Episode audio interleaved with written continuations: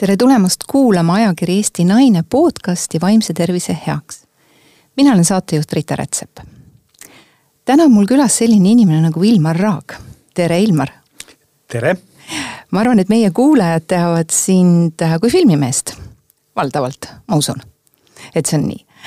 Äh, aga me ei räägi täna filmidest, me ei räägi üldse täna filmidest, me räägime täna meediast, me räägime täna propagandast. kuidas see teema sinuga seotud on? See on minuga niimoodi seotud, et äh, kui ma läksin äh, ülikooli, antud juhul siis äh, Prantsusmaale ja natukene hiljem ka Ameerikasse, siis juhtus niimoodi, et ma pidin kõrvalainetena võtma päris palju kommunikatsioonialaseid kursusi ja, ja hiljem ma sain aru, et osa sellest sai mulle elukutseks, ehk et ma ju töötasin päris pikalt Eesti Televisioonis, mitte küll nii pikalt kui suured legendid, aga omajagu ikka ja, ja hiljem äh, olin ka äh, Eesti riigi jaoks siis Riigikantseleis äh, strateegilise kommunikatsiooni nõunik.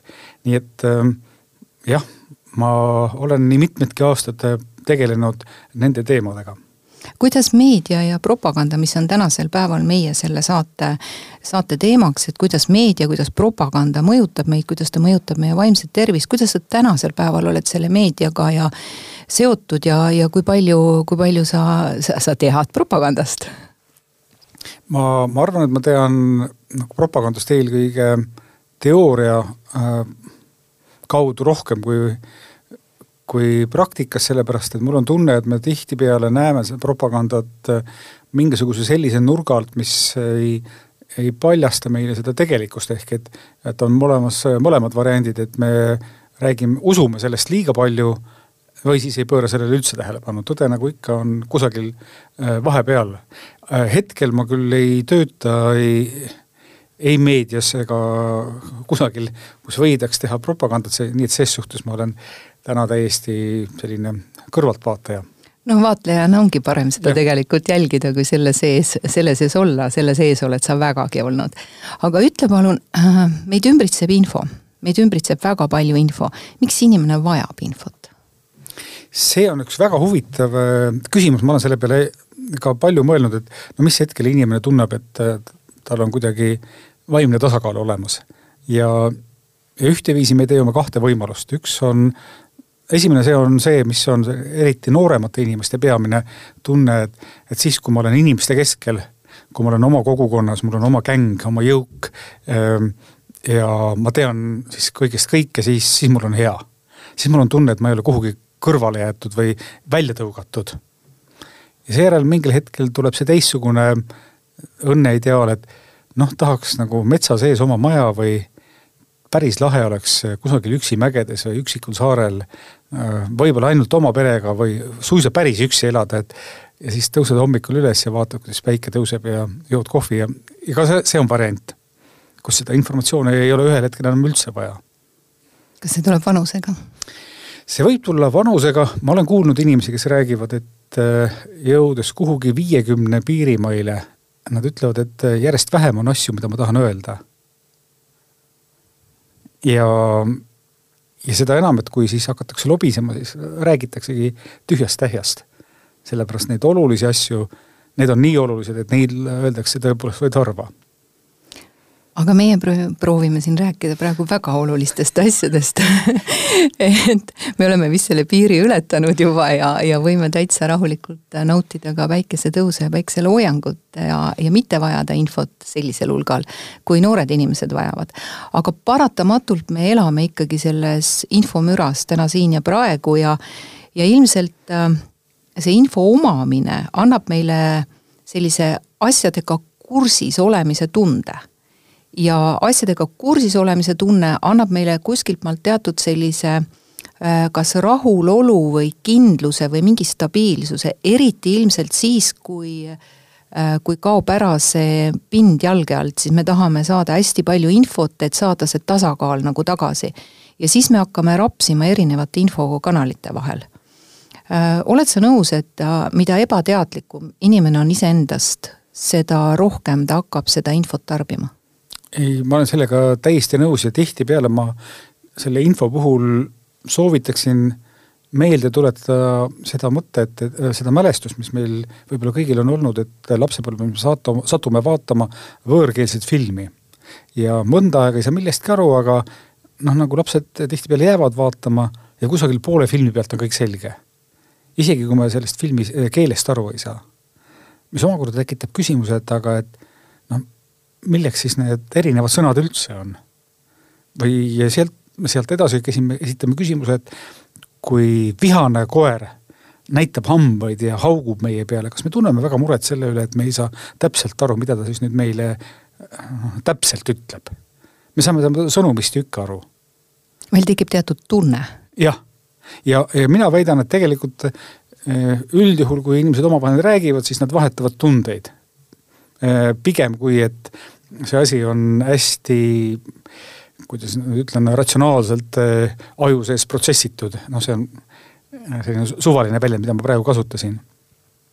Äh, ja, ja kui nüüd nagu korraks minna siis teadusmaailma juurde, siis, siis on palju räägitud sellest kiirest ja aeglasest mõtlemisest või siis loomalikust mõtlemisest versus inimeselik mõtlemine, mis tuleneb aju evolutsioonist.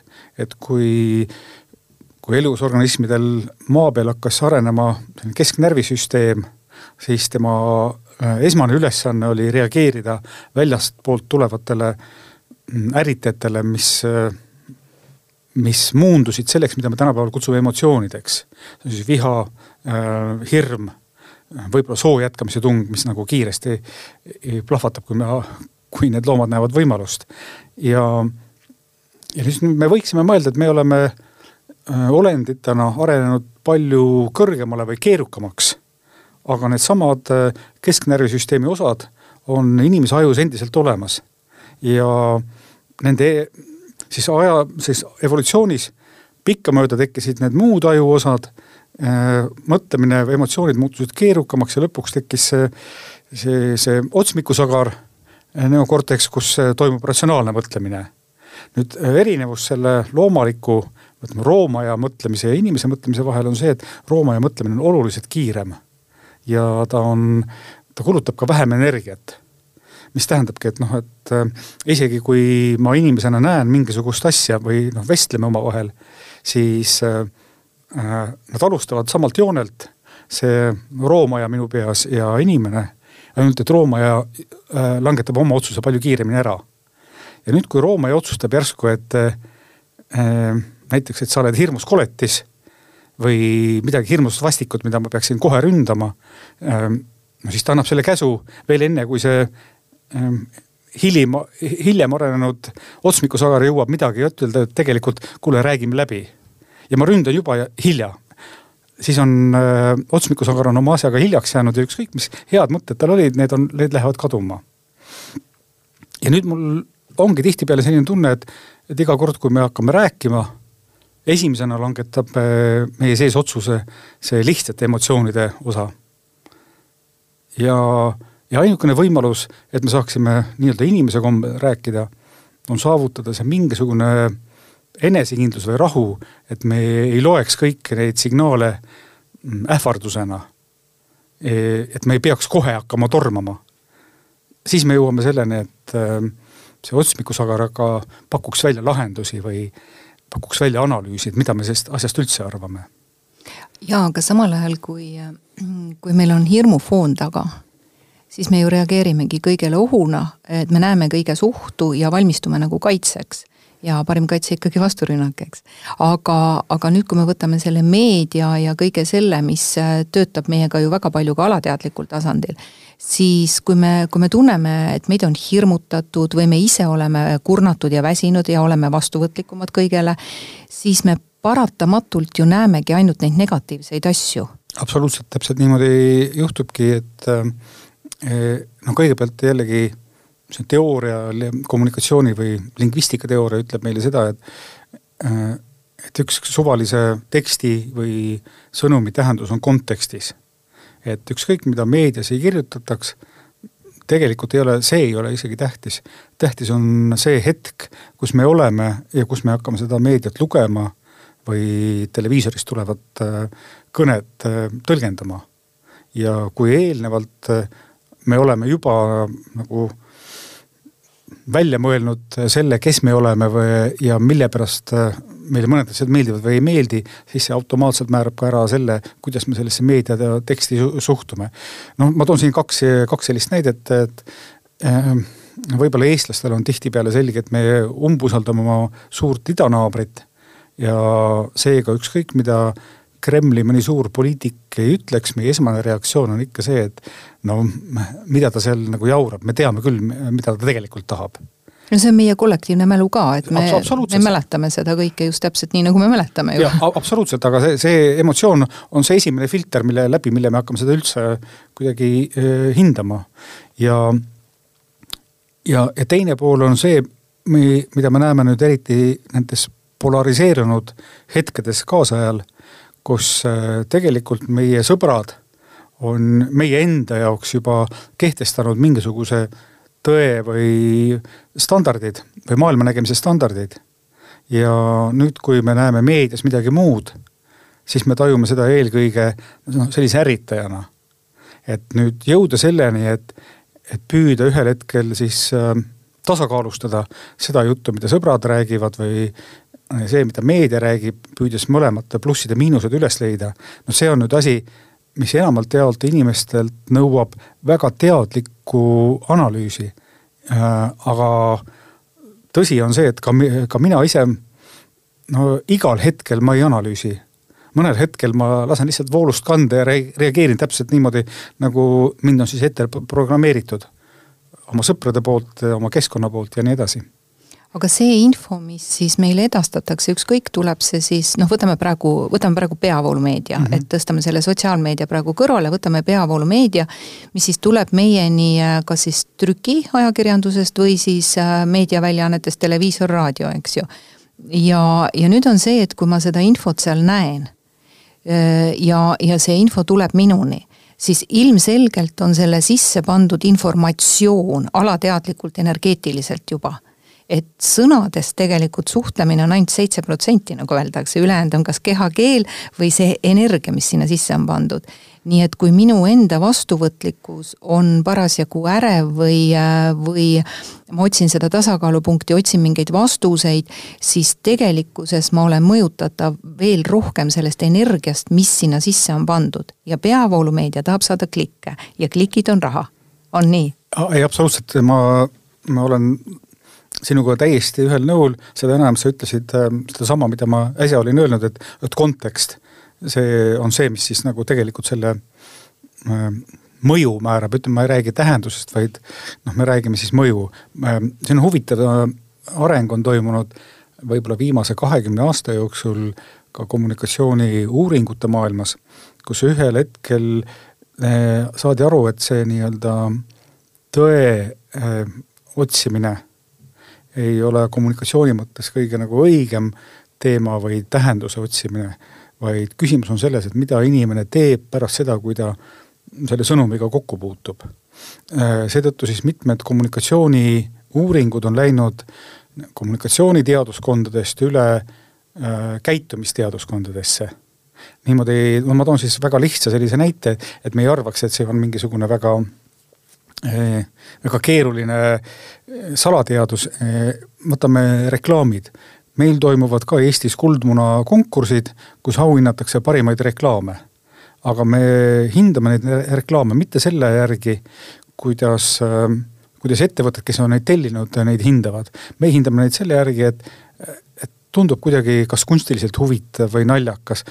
aga reklaamid ei ole selle jaoks tehtud, et nad oleksid naljakad reklaamid on tehtud selle jaoks, et vaadata, kas inimene lõpuks teeb selle ostuotsuse või mitte. kui ta läheb sinna poodi ja kui ta ei siruta kätt selle toote järgi, siis ükskõik kui naljakas see reklaam on, sellel ei ole mingisugust tähendust. ehk et noh, seetõttu siis räägitakse tõepoolest nüüd rohkem äh, meedia või sõnumite mõjust mm. -hmm. et pikk ja lohisev reklaam tegelikult meid ei vii üldse selle ostuni, et, äh, et just nimelt see väike klikk kuskil selline, ma ei saa nüüd öelda mingit sõna välja, et see oleks nagu uh, varjatud reklaam, aga, aga just see väike klikk, mis tuleb, et, äh, et ja, ja see mõjutab su alateadvust ja, ja sa ei saa ise arugi, et sa lähed ja sirutad käe sinna välja. jah, jah, täpselt, täpselt niimoodi on ja, ja samal ajal ega, ega ei pea arvama, ega meie ei pea arvama, et need sõnumi tegijad on alati ka super inimesed, kes teavad täpselt, kuidas see inimeste alateadvus töötab. ehk et nad tegelikult võtavad seda noh, nii iseenda najalt, et nii palju, kui nad oskavad või aru saavad. ma toon ühe jällegi sellise näite, mis, millega võib-olla igaüks on kokku puutunud äh, ka Eestis, et kui, äh, kui hakkasid ilmuma seltskonna äh, ajalehed või ajakirjad, Kroonika seltskondi ja nii edasi, siis mingil hetkel oli väga populaarne, minu meelest eriti üheksakümnendate lõpul, kahe tuhandete algusel, lood siis sellest, kuidas a la mingisugused rikkad ja võimukad mehed petavad oma naisi. Ja neid siis äh, Need lugusid saatsid alati sellised moraliseerivad hüüatused, mis äh, püüdsid näidata, kui jah, see mees on midagi väga valesti teinud.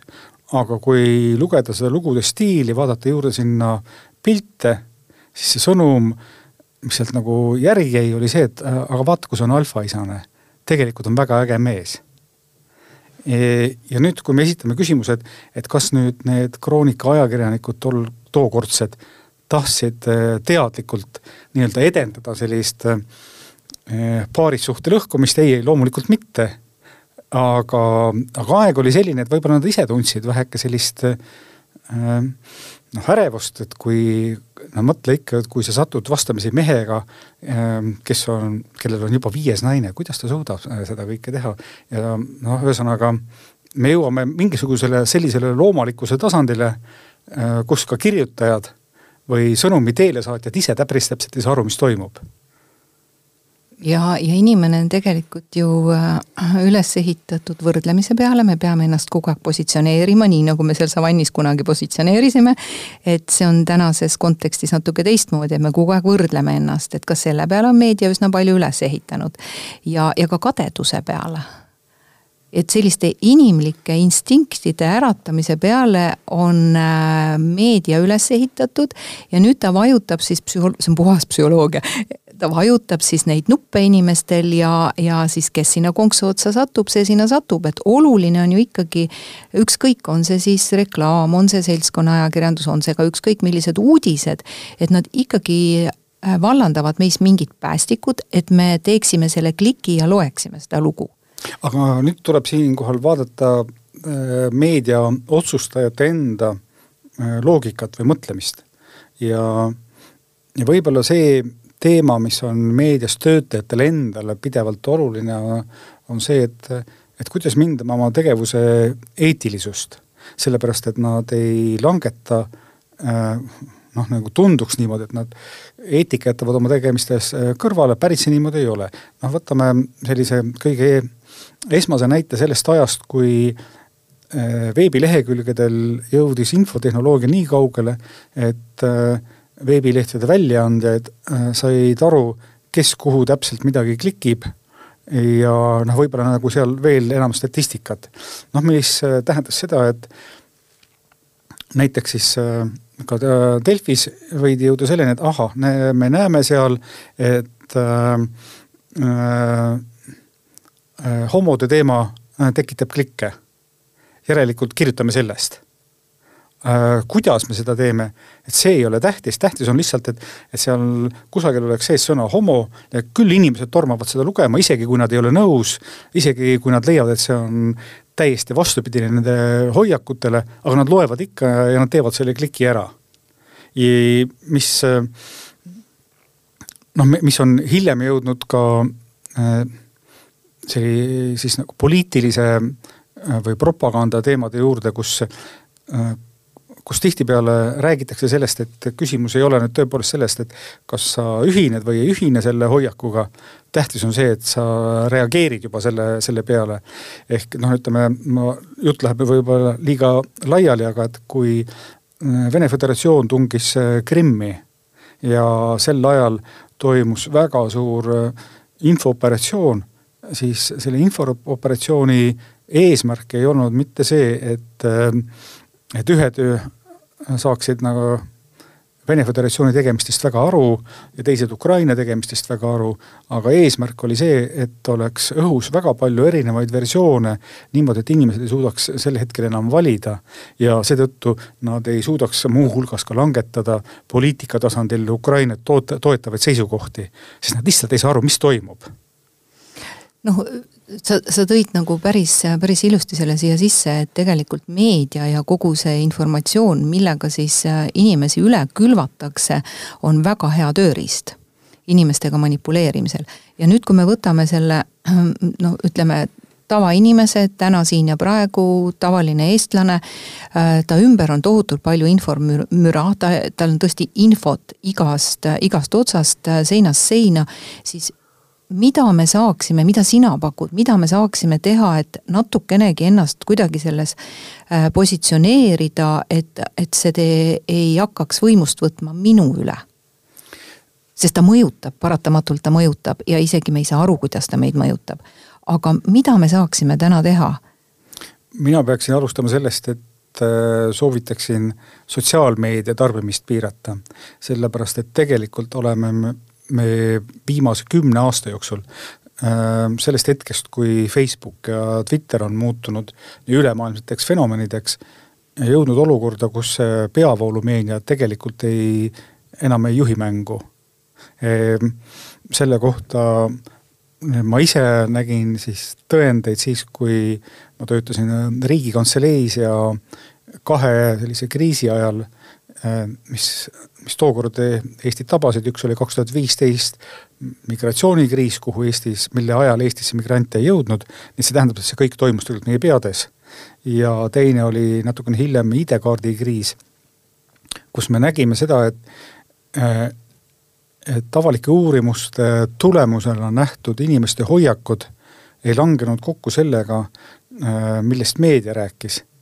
see tähendab seda, et, et need hoiakud Äh, olid esindatud ja elasid oma elu äh, sotsiaalmeedias, mis tähendas seda, et noh, tegelikult mm, me jõudsime ka olukordi, kus ükskõik, mida meedia rääkis, äh, väga vabalt võis enamus ühiskonnast olla natuke teistsugusel lainel või omaks pidada teistsuguseid hoiakuid. ja, ja me oleme näinud ka seda, et, et polariseerumine ühiskonnas, see, kus tek-, suured ühiskonnagrupid vastanduvad üksteisele, et ei ole ainult üksikud väikesed grupid, et ka see on oluliselt suurenenud sotsiaalmeedia ajastul. ehk et see, mida me kõik võime vanale peavoolumeediale süüks panna ja, ja seal on neid probleeme palju, millest ka need ajakirjanikud ise on kõik teadlikud või millega nad ise võitlevad, aga noh äh, see suur osa inimese tegevusest on kontrollimatud, siis äh, siis ühesõnaga selle vanameedia ajal sellist polariseerumist ei tekkinud. ja, ja võib-olla miks ei tekkinud, on see, et, et meil on ka võib-olla natuke vale arusaamine sellest, kui palju inimesed tegelikult meediat äh, tarbisid või tarbivad ja vaatavad. Äh, ma toon, ma toon nagu sellise näite, et võtame siis praegu telesaate, mida tundub, et kõik eestlased vaatavad kasvõi kord aastas või mille puhul usutakse, et noh, seda on nüüd kõik näinud. no mis see võib olla? Aktuaalne kaamera äh,. pakun ma esimese hooga. okei okay,, Aktuaalne kaamera, see on, see on veel isegi nagu selline näide, et noh, mitte igal õhtul seda ei vaata. aga äh, presidendi vastuvõtt, see kätlemine ja Aa, okay. no, no tundub, et seda on nüüd küll kõik näinud, et äh, kes kellega käib, mis kleite kannab ja nii edasi või mingid muud teemad. ja seejärel läheme reaalse statistika juurde ja näeme, et noh, parimal juhul vaatab seda nelikümmend, nelikümmend viis protsenti Eesti inimestest. ja mitte rohkem. tegelikult see langeb kokku ka sellega, mida me näeme pärast valimisi, sest enne valimisi kõik erakonnad ju just nagu pöörduvad kogu ühiskonna poole sõnumiga vali mind. ja kui see valimised on läbi, siis me saame aru, et võitja on saanud umbes kakskümmend viis protsenti e, ühiskonna häältest.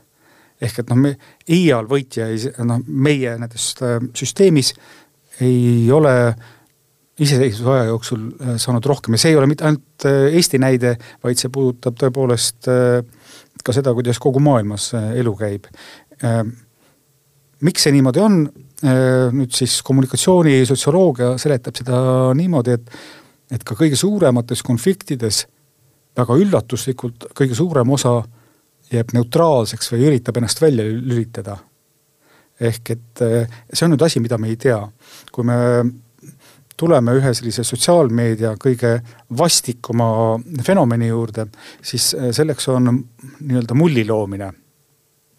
see on see, mille, mida üritavad tekitada siis pahatahtlikul nagu propaganda kombel ka siis erinevad robotid, kes äh, selle sinu konto juurde saadavad sõnumid või võimendavad neid sõnumeid, mille põhjal sul võib tekkida mulje, et näe, kogu maailm mõtleb niimoodi ja sellisel juhul inimene üldiselt, kas ta siis lülitab ennast täiesti välja või ta siis kohandub sellega, mis talle tundub, et enamus äh, mõtleb.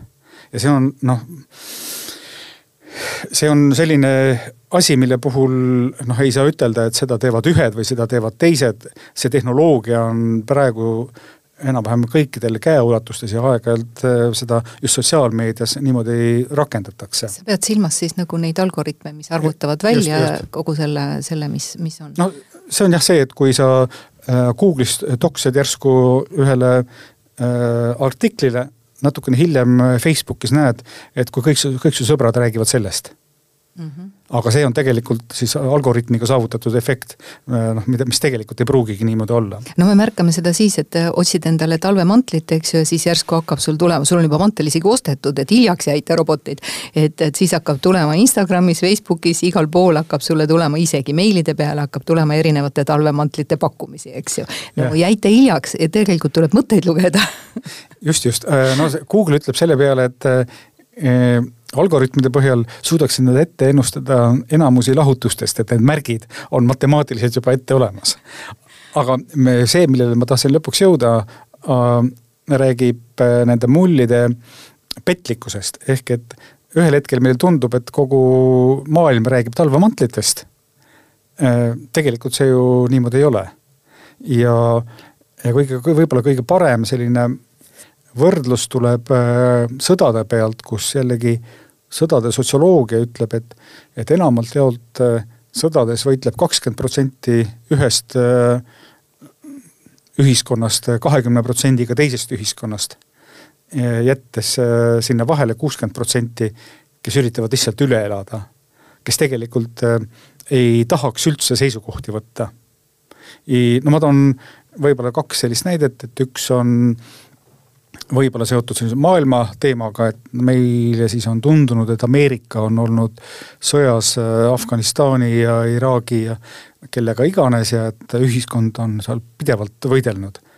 reaalsus, kui me vaatleme, kui palju on inimesi, kes on vormi selga tõmmanud, siis me näeme, et see on umbes üks protsent Ameerika elanikkonnast.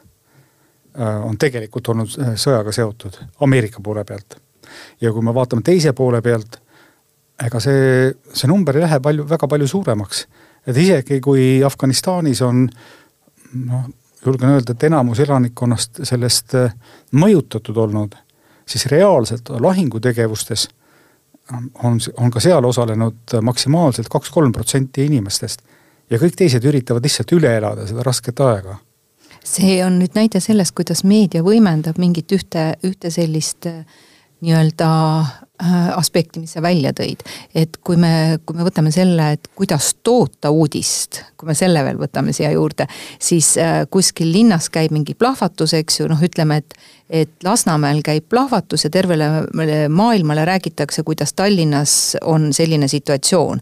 ja tegelikult meie, kes me siin oleme, teame, et Lasnamäel midagi juhtus, eks ju, see on kõik. täpselt samamoodi juhtub see Tel Avivis, kus iganes, et teine linnaots tegelikult üldse ei tea, aga kogu maailm teab, et seal käib mingi tohutu sõjategevus. kas sa mõtlesid praegu seda, et niimoodi toodetakse uudist? et millegi võimendamisega ja mulle, ja mulle siis tundub, et nii, nii, nüüd on Afganistanis kõik, USA-s kõik, kõik möllavad, tegelikult on kummaltki poolt üks protsent täpselt, täpselt niimoodi see on.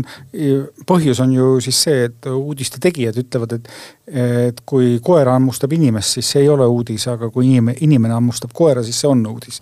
järelikult peatähelepanu läheb alati marginaalsetele sündmustele mm. -hmm. jällegi, kui me tuleme tagasi selle nii-öelda loomaaju juurde meie sees, siis äh, kõndides metsas äh, me järsult ei peatu, kui me kuuleme linnulaulu, sest see on just nagu normaalne. aga kui metsas kõlab vali praksatus, siis me peatume, vaatame ümberringi, kas see on oht või ei ole ja mõnes mõttes see, mida meedia teeb, ta nagu võimendab neid eh, praksatusi sel hetkel, et me peatuksime järevalt, vaataksime ümberringi. Aga miks on vaja meedial inimestega niimoodi manipuleerida?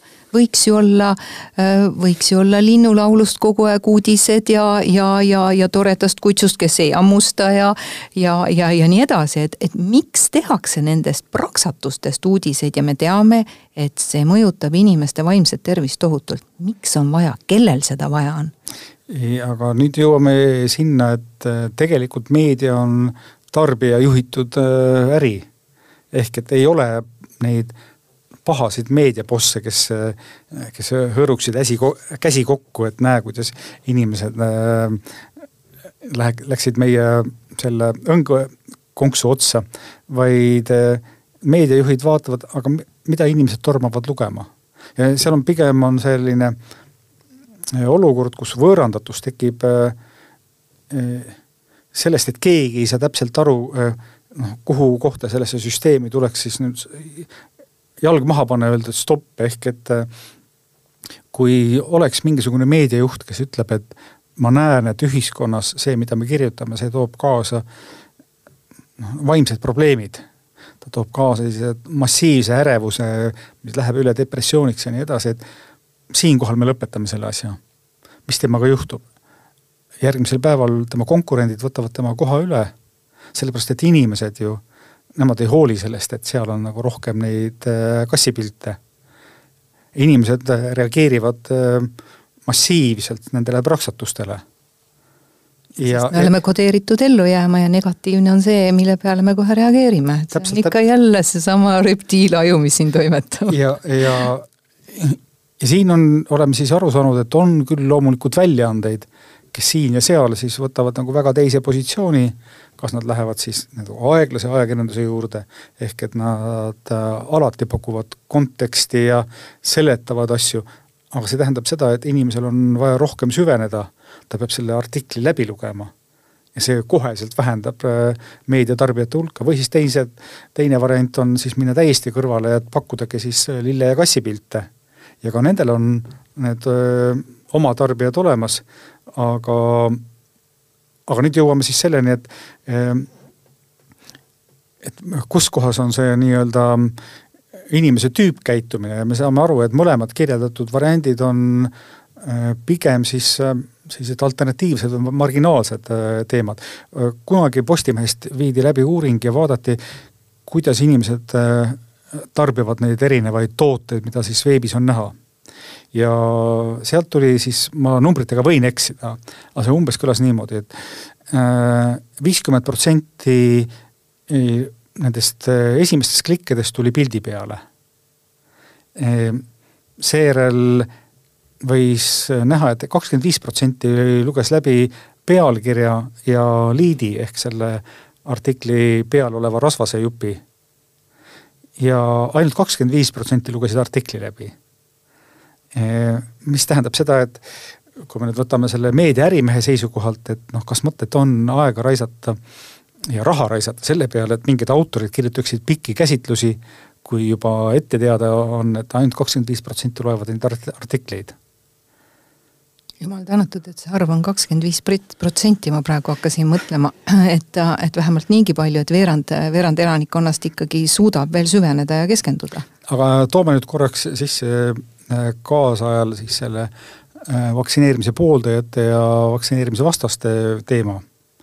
ja meile tihtipeale jääb siis mulje, et, et kas on siis äh, mingisugune riigiga seotud enamus või sootuks väike enamus võitleb selle teise suure enamusega, kes ei taha vaktsineerida.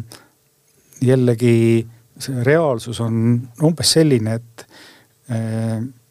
neid, kes on nagu väga veendunud, et äh, see vaktsineerimine on nagu sada protsenti õige asi ja kes võitlevad selle eest äh, laias laastus on umbes kakskümmend protsenti ja need, kes on absoluutselt selle vastu, on ka umbes kakskümmend protsenti.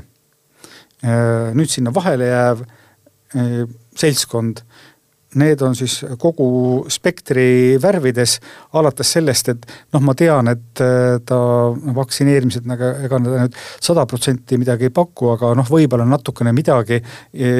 ja siis kõige suurem osa on seal kusagil neid, kes ütlevad, et ma ei viitsi lihtsalt, ma ei, ma ei viitsi minna, mul on nii kiire elu, et ma ei jõua või noh, mida, midagi sellist.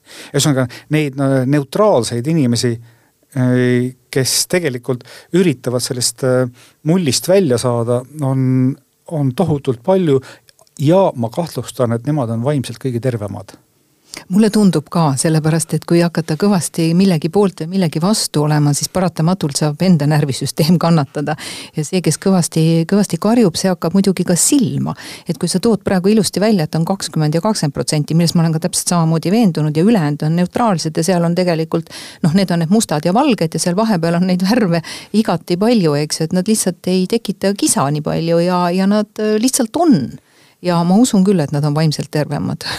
Ma täiesti usun, aga kui me võtame nüüd selle, et see kõik, millest me räägime, on tohutu infomüra. meie ümber on väga palju infomüra isegi kui me, kui me lülitame välja ja ei loe neid asju, siis paratamatult ta ikkagi kuskilt maalt mõjutab, sest et me oleme sellest mõjutatud. ja, ja kui me lähme nüüd korraks natukene sellesama sotsiaalmeedia juurde, et, et see ühiskond on läinud või üldse maailm on läinud väga palju kiiremaks, sellepärast ma olingi rõõmus, et kui sa ütlesid, et tõesti kakskümmend viis protsenti suudab ikkagi võtta kätte Sirbi või Teater, muusika, kino või mingi pikema, mõnusama artikli ja selle läbi lugeda, sest enamus maailma käib tõesti ainult pealkirjade peal. kiiresti, kiiresti, kiiresti ja see on sama sotsiaalmeedia efekt ju kas siin on nagu see äh, fenomen, et infomüra mõjutab inimeste vaimset tervist sellepärast niivõrd palju, et me ei suuda seda maha laadida, see tuleb meile kiiresti peale, aga me ei mõtesta seda läbi. kui sa loed pika artikli, siis sa ikkagi mõtestad seda juba lugedes ja pärast ka veel aga praegu, kui sa ainult tarbid, tarbid, tarbid, sul ei ole seda lõõgastusmomenti, mis on, mis on vajalik, kui on stress, siis peab järgnema sellele lõõgastus, et tunda ennast hästi, eks. et me, me saame kogu aeg infot peale. aga me ei äh, tee sellega mitte midagi muud, kui ainult tarbime. ei, ma nüüd lõõgastusest isegi nii palju ei tea, ma pean äh, usaldama siin sinu kompetentsi, aga kui me rääkisime sellest infost, mida me saame peale, siis ma arvan, et me ei saa peale nii palju sellist informatsiooni bitte, kuivõrd neid äh, emotsiooniimpulsse et see, see on see, mis meid. see on täpsem, see on täpsem jah. Äh, see, see on see, mis meid tegelikult äh, ärritab. ja nüüd siis järgmine küsimus, et mis siis teha, ma arvan, noh pigem, pigem nagu see, kõige lihtsam on muidugi ütelda, et noh, tarbige vähem aga huvi on ju nii suur, me tahame huvi, ju teada. huvi, on nii suur, aga on küll inimesi, kes on täiesti teadlikult teinud näiteks sotsiaalmeedia paastu. ja noh, üldiselt mõjub see väga hästi. ma, ma räägin siinkohal ühe siis, ühe akadeemilise uuringu, mis kunagi minul avas ka palju silmi. Ameerikas tehti uuring, kus näidati araabia ja juudi taustaga üliõpilastele uudislugusid äh, ühest äh, Palestiina ja Iisraeli konfliktist. ja siis oli seal veel kolmas grupp, kellel ei olnud mingisugust etnilist äh, seost ei araablaste, ei juutidega. ja nüüd see, need lood olid kõik samad, mis näidati kolmele grupile. araablased arvasid, et see on ju Ameerika peavoolu ajakirjandus, nad on loomulikult on näha, et nad on juutide poolel ja araablaste vastu juudid äh, vaatasid neid lugusid äh, ja leidsid, et äh, need on need kuulsad liberaalid, kes muidugi tahavad araablastele meeldida ja seetõttu nahutavad juute. ja siis olid need kolmandad, kes ei olnud mingil moel asjaga seotud, need vaatasid neid uudiseid ja ütlesid, et ei noh, üsna, üsnagi nagu tasakaalustatud käsitlus. me näeme seda, mida näha tahame ja noh, mul on ka nende uudiste puhul siis see, et noh, püüdke nüüd mõelda, et kuhu te ennast äh, paigutate sellel teljel, ma arvan, et siin kehtib see seaduspära, et mida rohkem äh, ma mingi asja eest olen valmis võitlema, seda suurem on tõenäosus, et ma mingis punktis seal eksin. ja võib-olla see on nagu esimene nagu samm, et äh, püüda üles leida need punktid, kus sa ise võid eksida ehk eh, jõuda selleni, et sellise selge vaimse jõupingutusega leida üles enda haavatavused ja see toob kaasa teatud sellise alandlikkuse. noh, mille puhul mitte ilmaasjata ja mitmes po-, mitmel pool vanades religioonides ei öelda, et uhkus on üks patt ja et tuleb nagu sellise hingelise alandlikkuseni jõuda, mis tegelikult laseb maailma natukene selgemalt näha. aga, aga sealt seda edasi on äh, noh, ma iseenda näite varal toon, et ma küll libistan kiiresti pilgu äh, üle Facebooki ja äh, meie peamiste ajalehtede, aga oma peamise info ma pigem saan kas äh, neilt sõpradelt, keda ma usaldan, või siis, või siis erinevatelt profide tehtud raportitelt. Ja ka seal ma siis lõppkokkuvõttes ütlen, et ma püüan siis nüüd aru saada, et äh, kus on see koht, kus nad eksivad, sellepärast et noh, see peaks olema alati noh, nagu see baasarusaamine, et ka need, et ka need tekstid, mida ma usun, äh, mille poolt ma olen, et ka need võivad eksida. Äh, et me ei jõuaks selleni, et noh, väga lihtne on näha nii-öelda ideoloogiliselt vastaspoolel olevate inimeste tekstides vigu. aga peab lihtsalt aktsepteerima, et äh, kust me siis võtame, et, et nagu see teine pool elanikkonnast on järsku nagu superintellektuaalsed, kes mingisuguseid vigu ei tee. esimene asi on püüda leida enda poole äh, vead ülesse ja siis astuda kaks sammu tagasi. kuni, kuni selleni, et selline väga hea vaimse tervise meede oleks see, et äh, kui te millegipärast ei, isegi mitte millegipärast, no väga loomulik, et teinekord et ei ole sõpra või muud viisi oma tunnet välja elada, kirjutada sellest postituse. aga väga hea soovitus oleks see, et kui see on, kui te juba ette teate, et see on natukene vastuoluline, ärge lugege kommentaare ja eelkõige ärge kirjutage ühele kommentaarile vastu. sellepärast, et teie esimene postitus on alati oluliselt tugevam kui kõik need kommentaarid, mis sinna järgi lähevad ja täpselt samamoodi, kui te lähete kellegi teise lehele midagi kommenteerima, siis peate arvestama, et see on nagu, nagu prügi, mis te teete, et noh, tegelikult selles suures mahus äh, sellel ei, ei ole olulist tähendust. ja kui me mõtleme nüüd sotsiaalmeedia ajastule, kus isegi me kõik oma vallas teame neid kuulsaid äh, trolle või neid tüütuid inimesi, kes igal pool midagi kommenteerivad aga noh, enamalt jaolt kõik me tajume neid ühtemoodi, et aa, see on see sekendaja. ja nüüd me küsime, et kas see sekendaja noh, näiteks Eesti kultuurilukku kuulsa kirjamehe või kirjanaisena jääb. noh, ilmselt mitte. ta jääbki oma aja kuulsa prügikalana alles. ja no tegelikkuses oled sina ju ilmselgelt äh, keskmisest teadlikum meediatarbija. aga, aga kui me võtame selle noh, mitte, mitte tahtes öelda keskmist, vaid, vaid just nimelt selline tavatarbija, kus me võib-olla väga palju ei analüüsi, võib-olla natukene saame aru, et mingid asjad meid mõjutavad ja nii edasi, siis äh, tegelikkuses meid ju kõiki tabab mingisugune infomürgitus mingisugusel hetkel. ja, ja paratamatult ähm, meie sees on kõigil ikkagi mingid päästikud, millele me reageerime. ükskõik, kasvõi seesama, mis sa tõid välja, et kirjutab keegi mingisuguse kommentaari, ta kirjutab selle mingi emotsiooni pealt sinna välja ja ta võib-olla ei mõtle selle peale, et see on päästik kellegi teise jaoks ühe jaoks ühtemoodi, teise jaoks teise, teistmoodi, kolmanda jaoks kolmandat moodi. ja nii see info hakkab nagu äh, siis veerema ja ausalt öeldes see välja paisatud energiapall hakkab elama oma elu ja me ei kontrolli seda tegelikult enam. absoluutselt mitte. jah, et, et see, see on nüüd see, et kui me hakkame neid asju kõiki lugema, siis paratamatult meie sees äh, kasvavad äh, vastuolulised impulsid igal juhul et, et võib-olla, võib-olla siis, võib-olla siis mõelda nagu selle peale, et kuidas me pääseksime sellest infomürgitusest ise et, et kuidas me saaksime ennast hoida, et mitte sellega kaasa minna, et, et, et nii nagu praegu siit välja tuleb ja ma arvan, et meie kuulajad täpselt samamoodi mõtlevad, et. see info ümbritseb meid täielikult, ta manipuleerib meiega tegelikult ja me ei saa olla nii üdini teadlikud, et me saaksime kõige sellega toime tulla, ei saa.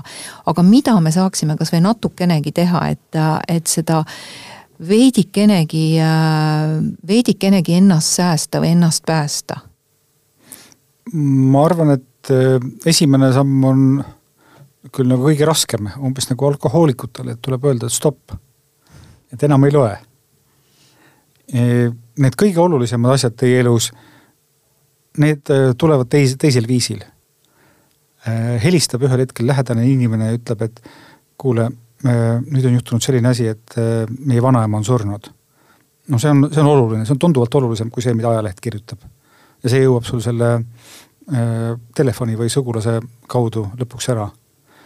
või äh, helistab teine lähedane tuttav ja ütleb, et äh, paki nüüd asjad kokku ja tule siia, et noh, ma, ma sain teada, et äh, seal on see ja see. noh, jällegi see, mis sinu jaoks on tavalises võib-olla rahuolukorras selline kõige olulisem informatsioon. täiesti selgelt sinu tuttavad räägivad selle kõik ära. Või siis äh, sa ei tea, keda valida. aga mine siis oma lähimaste sõpradega sauna ja äh, seal saunalaval tegelikult sa saad kogu selle informatsiooni kätte, milleks sa muidu mitu päeva kulutaksid meedia lugemiseks aega sa tood välja tegelikult vahetu suhtlemise, mida meil on jäänud järjest vähemaks ja vähemaks, et et needsamad sõnad, mis moodustavad seitse protsenti, et sinna juurde peaks tulema energia, žestid, kehakeel, kõik hääletoon, kõik see, mida me tegelikult sellest meediast välja ei loe. ja, ja kui me enda selline ärevuse foon võib-olla on kõrgel või, või me vajame mingit infot, et ennast maha rahustada, siis me hakkame paaniliselt otsima kinnitajaid. tegelikult mine räägi sõbraga mm. -hmm. ära on... kaeva ennast sinna infomürra, sa upud sinna ära. See on jah, esimene samm ja teine on e, siis e, ma kasutaksin ingliskeelset sõna reality check ehk et e, miski ärritab sind ja nüüd kõige, kõige olulisem on see, mitte kohe reageerida. ehk et oodata natukene ja võib-olla siis jah, teha ka seda sõbraga rääkimise trikki.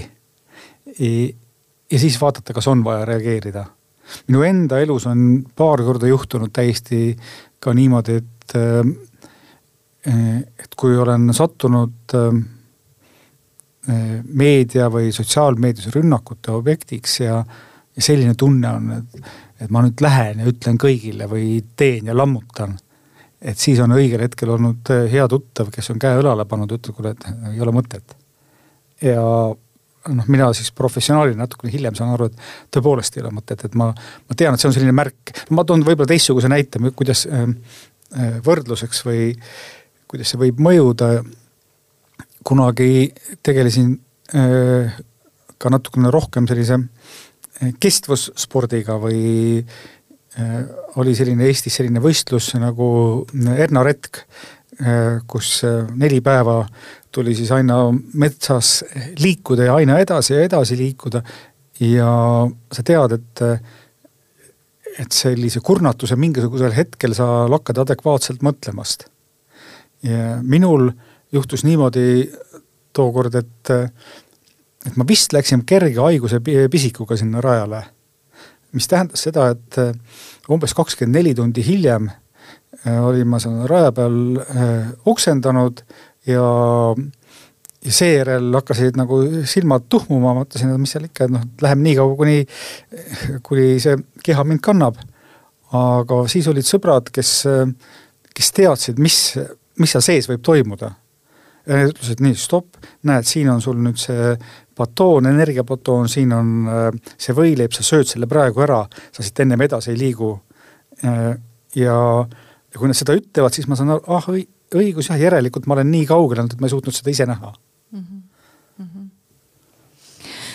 väga tore, Ilmar, tegelikult äh, võiks sellel teemal rääkida ilmselt väga palju, sest see on üks lõputu, lõputu teema ja, ja võib-olla siin mulle tundub nagu kokkuvõtteks äh, praegusel hetkel siia, siia öelda või, või mõelda, et äh, me vajaksime rohkem seda lõdvestust kui et selle infoga kramplikult äh, kaasa joosta, kaasa minna, sisse ahmida, äh, vaid distantseerida ennast ja tegeleda hoopis olulisemate asjadega.